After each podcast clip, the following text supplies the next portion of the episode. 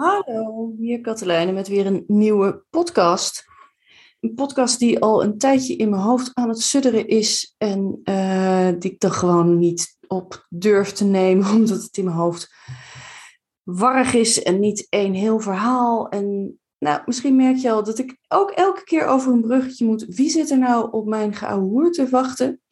En dan na een tijdje, dan heb ik uh, niet zoveel geouwehoerd, oftewel geen podcast gemaakt of niks op Facebook gezet. En dan gaan mensen ernaar vragen en denk oh, oké, oké. uh, niks menselijks is mij vreemd. Ik, uh, je samen moeten zien zitten, dat is wel hilarisch. Het is sowieso, het is zondagochtend vroeg, het hele huis is nog in slaap. Echt een prachtig moment om dit te doen. Ik zit hier op mijn zoldertje met mijn koptelefoon op. En uh, je zou denken, nou, wat is er raar aan? Nou, die koptelefoon is niet aangesloten.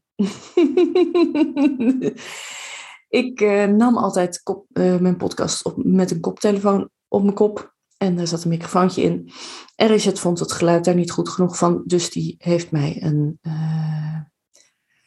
zo'n microfoon voor me geregeld. En nu moet ik met een microfoon opnemen.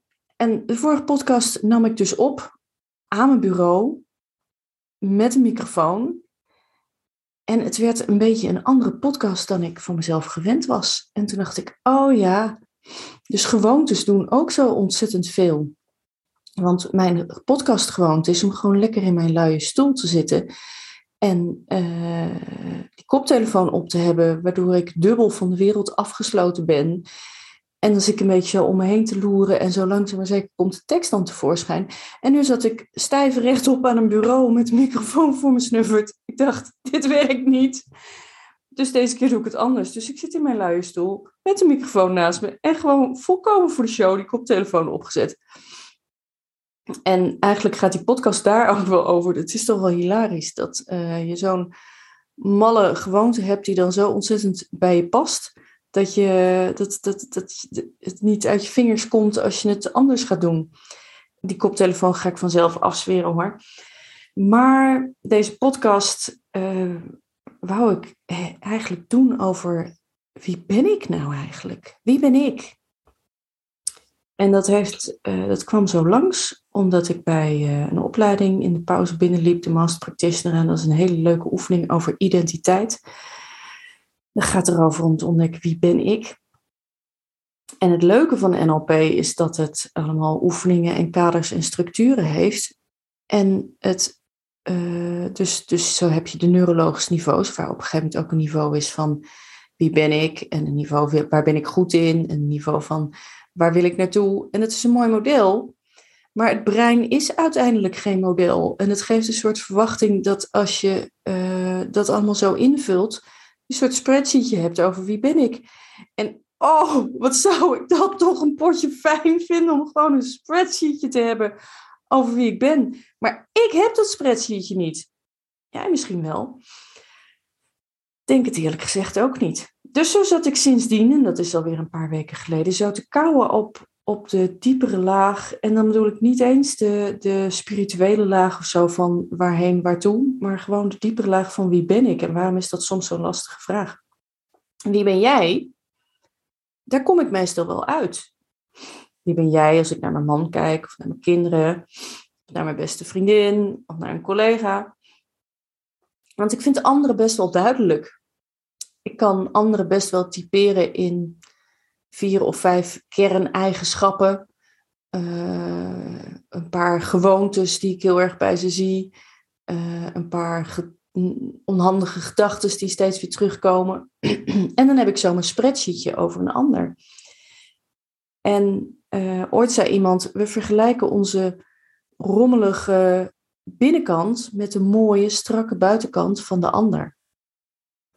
En dat klopt wel dus ik zie in een ander, zie ik zo, nou, wat ik al zei, uh, wat eigenschappen, wat gedachten, wat emoties die meer op de voorgrond liggen, wat emoties die wat meer naar de achtergrond, wat manieren hoe mensen dingen doen.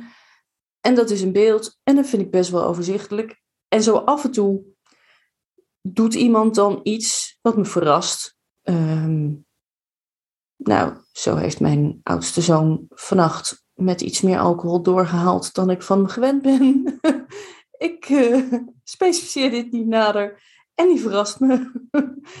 nou, dan moet ik even weer naar dat beeld kijken van uh, wat ik van hem heb. En dan zoek ik, dan komen er wat, wat blok, Lego blokjes bij en er verschuift wat. En op een gegeven moment denk ik, oké, nou dat is informatie die heb ik geïntegreerd. En het is weer goed. Zo, zo werkt het als ik naar anderen kijk. Nou, misschien denk je nu al, wat een lijp mens, zo werkt bij mij helemaal niet. En misschien werkt het wel zo bij jou. En ik kan me ook voorstellen dat je denkt, hé, hey, ik kan eens wat bewuster kijken naar anderen. Uh, hoe ik dat dan dus doe, een beeld van wie ben jij te vormen. In elk geval, ik zou het niet bij iedereen doen, raad ik je ernstig af. Maar bij mensen die belangrijk voor je zijn, zou je dat zeker kunnen doen. Dus bij anderen heb ik een duidelijk beeld. En zo af en toe um, gebeurt er even iets en dan uh, gaan al die Lego blokjes even van plek verwisselen. En dan is het beeld weer compleet met een paar dingetjes anders. En dan kan ik weer verder. Maar het lijkt bij mezelf wel alsof er de fucking hele dag Lego blokjes moeten verschuiven. En, en ik besta niet uit vijf kerneigenschappen en drie emoties wat meer op de voorgrond. En misschien zes onhandige gedachten en nog wat andere dingen. Nee, voor mijn gevoel ben ik een soort 2000 stukjes puzzel van Jan van Haasteren. Misschien wel meer dan 2000. En ik kan me zo voorstellen dat ik niet de enige ben. Dat je van binnen zo al die puzzelstukjes, uh, dat je dat herkent. En dat je soms zou willen dat je gewoon zo'n kleuterpuzzel hebt met uh, acht stukken. Waar een tweejarige nog zijn best op doet. Maar wat voor jou allemaal helemaal handig en overzichtelijk is. Ik ben, uh, dus als je mij, mijn vorige podcast gevolgd hebt, weet je dat ik drie maanden geleden een ongeluk gehad heb. En uh, dat is best wel even earthshaking. Terwijl ik nog niet eens, weet je, er, er zijn veel heftigere ongelukken waarbij je nog veel langer uh, van de leg bent. En in mijn laatste blogje schreef ik dus iets over mezelf opnieuw uitvinden. En dat is best, dat is best wel waar. Want als er iets heftigs gebeurt in je leven, iets in elk geval vol stress, dan is onze eerste neiging om weer terug te vallen niet, ik noem dat de default stand, maar de default stand is eigenlijk gewoon hoe je geboren op aarde bent. En dan is het allemaal nog wel best wel plooibaar en nieuw. Maar op een zeker moment ben je gewoon iemand met overlevingsmechanismetjes geworden. Dat klinkt misschien heel zwaar, maar dat is het helemaal niet. Ik bedoel, je bent acht, je loopt een nieuwe klas in, als je dat doet op je achtste, of je gaat voor het eerst op voetbal. En je hebt zo je manieren om uh, dat spannende stuk van, oh, wat vindt iedereen van me en doe ik het wel goed, om daar doorheen te komen. Of je bent twaalf en je zit voor het eerst op brugklas en uh, zoals mijn jongste, je hebt op een basisschool nooit toetsen hoeven maken. En je bent bij de eerste toetsen, kan ik dit wel en hoe werkt dat? En dan val je terug op een aantal basismechanismen om met die stress om te gaan.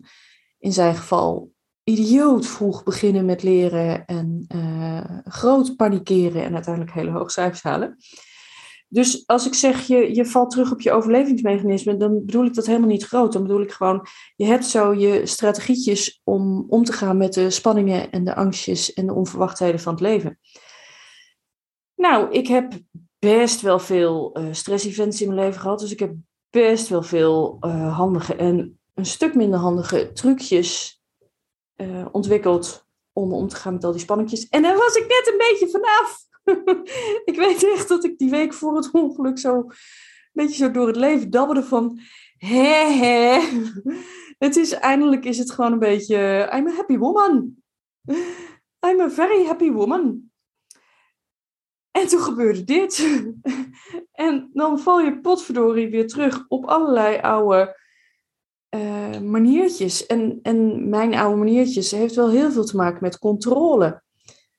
Met uh, dingen onder controle willen hebben. Ik zei ooit wel eens grappend, uh, ik, ik regel vanuit het ziekenhuis nog dat ik naar huis bel van, maar voor die niet te veel zout en die houdt niet van ketchup, hè?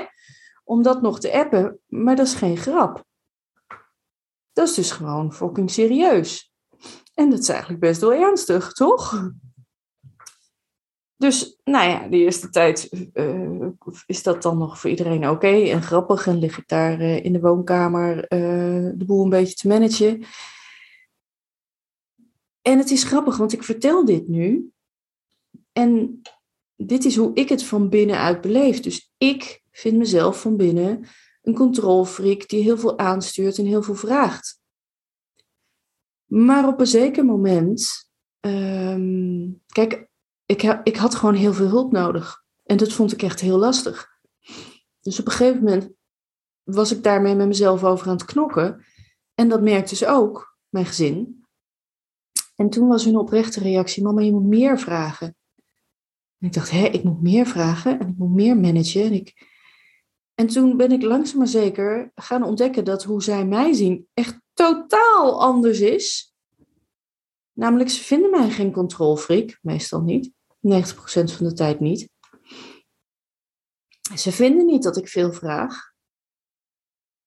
Ze vinden het fijn dat ik een heleboel dingen gewoon goed en strak regel. En iedereen doet waar die, waar die goed in is en waar die blij van wordt. Waardoor we een heerlijk fijn systeem hebben met elkaar. Dus die gedachte, ik ben een controlfreak. Ik ben iemand die zoveel vraagt. Bleek voor hun in elk geval helemaal niet waar te zijn. Dat is toch interessant, hè? Als je dus eigenlijk je binnenkant, die voor jezelf waar is, als je die eens gaat checken door wat anderen van jouw buitenkant vinden, kun je me nog volgen. Dus dat was al een interessante ontdekking. Ik ben dat allemaal niet. Maar ik kon wel haar fijn voelen het verschil tussen ehm, dat het allemaal klopte, dat ik eh, dingen regelde en vroeg, en welke stukken ik doe vanuit oude stressmechanismen. En het is grappig als ik dingen vanuit oude stressmechanismen doe, controlfrikkerig zijn. Bijvoorbeeld, ik zal weer een, een simpel voorbeeld geven. Ik heb eigenlijk al vanaf mijn puberteit of zo, ik noem dat dan slaapstress. En dat neemt allerlei vormen aan. In elk geval, ik vind slapen best wel een ingewikkeld ding. Ik heb daar veel voor nodig, veel, uh, veel weinig. Wat zegt ze nou weer? Ik heb veel weinig nodig voor slapen. Oftewel, ik heb nodig dat ik uh, weinig kans heb dat mensen me storen, dat er reuring is, dat er herrie is, dat er temperatuurverschillen zijn waar ik niet van hou. Dus het is, het is een boel werk om te zorgen dat ik rustig slaap. En daar kon ik dan, dat was ik ook een beetje aan het loslaten, en daar kon ik dan wel heel erg in terugvallen van uh, dat iedereen op zijn tenen moest lopen waar mama wou slapen. En dat vond ik een niet gezonde terugval. Dus als ik dan zeg, ja, nou zo'n event, en ik heb het nu over slaap en over vragen, maar ik denk dat iedereen in zijn leven gewoon geregeld even iets meemaakt. Um, bedoelde en onbedoelde events. Een kind krijgen, een uh, carrière switch maken, een ouder die overlijdt, mantelzorg wat erbij komt. Um, buren die ernstig blijken tegen te vallen. Uh, uh, corona met al zijn gedoe en uitdagingen dat iedereen geregeld dingen meemaakt, die maakt dat je van binnen even moet switchen van, en, en dat je een stukje terugvalt naar mechanismen die niet handig voor je zijn. Dus ik vind mezelf weer opnieuw uit. Ik vind mezelf opnieuw uit in uh, eigenschappen. Nou, dat was heel erg leuk dat we uh, zijn op vakantie gegaan. En ik merkte dat de kinderen heel liefdevol en zorgzaam voor mij waren. Als in uh, tempo waarin ik kon lopen en of mijn kruk wel mee was. Ik ben ontroerd als ik dit uh, zeg, dat uh, hoor je wel. Um, of of als, of er iemand in de weg liep waardoor die tegen me op kon botsen. En het was niet een zorgzaamheid van dat ik me zwak voelde, maar dat ik me heel erg gezien voelde in mijn gezin. Dat ze gewoon wilden dat het goed met me was. Dus daarin heb ik ook weer ontdekt dat, het, uh, dat je als moeder uh, zorgzaamheid kan aannemen van je kinderen. Zonder dat je ineens niet meer moeder bent zonder dat je zwak bent. Want ik had altijd zo'n beeld van ja, dat is als ik 80 ben, dan moeten ze voorzichtig met me zijn maar hoe liefdevol voorzichtig ze met me konden zijn. Dus daar moest ik ook mezelf een soort van in uitvinden. En het leuk, als je dan kijkt naar de leeftijd van mijn kinderen, uh, 12, 14 en 18. dat het ook een natuurlijke leeftijd is waarin je als ouder uh, los gaat laten, hun perceptie op de wereld meer moet aannemen. Het is echt geweldig, want we hebben natuurlijk nu heel vaak dat zij het beter weten. En dan heb je de, de, de botsing van generaties, want wij weten het natuurlijk beter. nee, maar dat, dat, dat herken ik zelf ook wel. Dat als ik nu met mensen van 80 praat, dat, ik, dat die hebben meer levenservaring, meer levenswijsheid, misschien zelfs ook meer eh, overzicht dan een, een 50-jarige. En toch sta ik in een fase in het leven dat ik hartstikke blij en trots ben op wat ik allemaal weet en kan en, en, en doe. En daar me heel veilig bij kan voelen. En zo heeft een 12-jarige, een 14-jarige, een 18-jarige dat ook. Dat hoe jij op dat moment in het leven staat en dingen weet en kan, dat dat heel gezond is om daarvan uh, overtuigd te zijn. En wij als ouders, en misschien heb jij geen kinderen uh, en denk je, uh, nee, dan denk jij niks. Ik denk dan, oh, misschien heb jij geen kinderen, vind je het een stom podcast. Maar ook als je geen kinderen hebt, ben je kind geweest. En um, die, die botsing van dat ouders een bepaald deel van jouw leven gewoon ingehuurd zijn om het te weten, om het beter te weten, om voor je te zorgen, om te zorgen dat je veilig bent. En dat er dan zo'n overgangsfase komt dat je het eigenlijk nog niet beter weet, maar dat je het wel nodig hebt om te denken dat je het beter weet. Want dat heet groei. En dat je als ouder dan een stapje terug moet doen en op je tong moet bijten en moet denken: ik heb het echt niet zo gezegd, maar ik vind het goed. En niet van, ik heb het echt niet zo gezegd en ik bijt wel op mijn tong en ik weet wel beter. Nee, ik heb het niet zo gezegd en ik kan buigen, ik kan oprecht. Jeetje, dit is echt heel genuanceerd. Hè? Ik kan buigen voor jouw waarheid, is het ook niet. Maar je hebt gelijk. Je hebt gewoon gelijk. Dat ik dat kan zeggen en denken van binnen, omdat ik weet dat het mijn kinderen dient om te gaan vertrouwen in hun perceptie van de wereld gaan echt alle kanten op. Want dan denk ik, de zin alleen al, je hebt gelijk. Wat een lading kan daarop zitten, hè? Om tegen je. Voel eens van binnen dat je gewoon tegen je partner zegt. Van binnen, hè? Nog niet in techie. Je hebt gelijk. Of tegen je kind. Of tegen je moeder. Of tegen je werkgever. Je hebt gelijk wat, wat ik erbij voel, als ik me dat zo voorstel, is, is uh, een enorme buiging voor de waarheid van een ander. En dat dat enorm potentiële conflicten weghaalt, dat het zacht maakt. Maar ik weet heel zeker dat er uh, tijden zijn geweest in mijn leven dat ik ook heel erg gevoeld heb, uh, als ik zou zeggen, je hebt gelijk een stressprikkel van binnen, uh, ik dus niet goed genoeg of uh, koppigheid, niet willen toegeven. Dus dat ben ik ook allemaal. Dus nee, wie ben ik is niet een overzichtelijk spreadsheetje. En dat is als een rivier die steeds maar weer verandert. Een rivier is nooit hetzelfde. En ik dus ook niet. Want waar ik het nu me realiseer dat het zo makkelijk is om van binnen te zeggen: je hebt gelijk, uh, was dat misschien een half jaar geleden helemaal niet makkelijk. Dus vind ik mezelf elke dag weer opnieuw uit. En is dat niet vermoeiend? Ja, dat is hartstikke vermoeiend. Dus gelukkig zijn er ook dingen die gewoon waar zijn en nog heel lang waar blijven. Ik ben een vrouw. Ik ben een moeder. Ik ben partner van. En dat zijn dingen waar voor mij geen speld tussen zit. Gewoon daar is, uh, dus er komen weer op interessante topics. Er is geen, geen centimeter twijfel over of ik een vrouw ben. gaan we een hele andere kant op trouwens, want in mijn puberteit ben ik, uh, hoe de wereld dat dan ook weer doet, geen idee, ben ik met meerdere uh, transgenders in transitie in, had ik vriendschap mee of kende ik op een of andere manier. Dus ik ben best wel eens als, als, als twintiger uh, panisch wakker geworden van, oh, als ik nou denk dat ik eigenlijk een man ben. Maar voor mij is daar geen spel tussen te krijgen. Ik ben een vrouw. Voor mij is er geen spel tussen te krijgen dat ik ben met de man met wie ik ben en dat ik daar de rest van mijn leven mee deel. Voor mij is er geen spel tussen te krijgen dat ik een moeder ben van deze drie kinderen. Dat geeft mij rust. Dat er ook een aantal dingen gewoon heel erg waar zijn. En ik kan me dus ontzettend voorstellen dat als een van die dingen voor jou niet waar is. Dus je hebt twijfel over je seksualiteit, over je uh, identiteit als man of vrouw.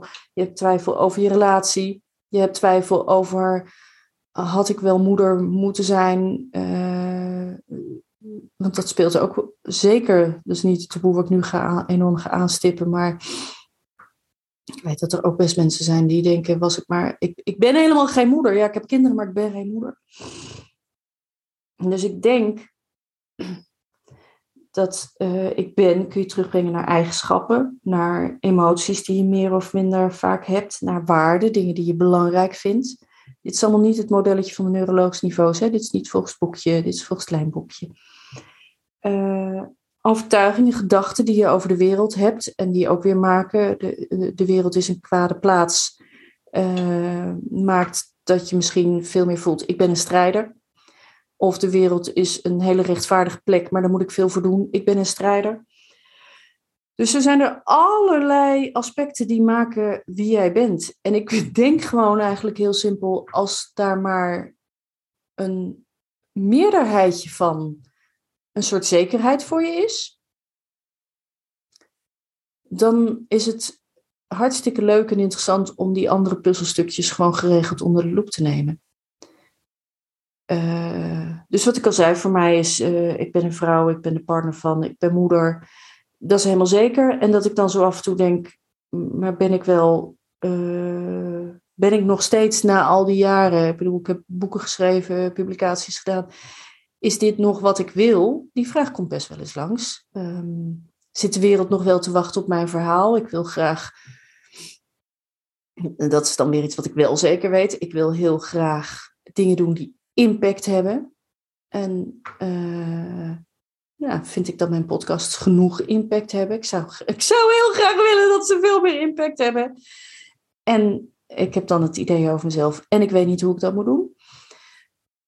Um, dus als er dan op andere gebiedjes, uh, wat, wat, wie ben ik op het gebied van mijn werk? Wie ben ik als het gaat om fysieke gezondheid? Wie ben ik bij de fysiotherapeut, dat is ook weer een leuk, want bij de fysiotherapeut is het echt heel lastig voor mij.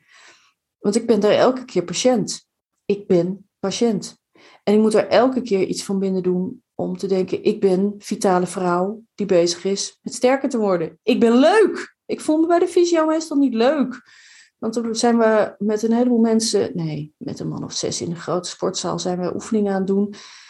En we zuchten en we steunen wat af. En iedereen zit in zijn eigen bubbel. En laatst heb ik toch maar gewoon eens een praatje gemaakt. En oh, dat was zoveel fijner dat er iemand terug. Maar heel vaak reageren mensen niet op: ik wil een praatje maken.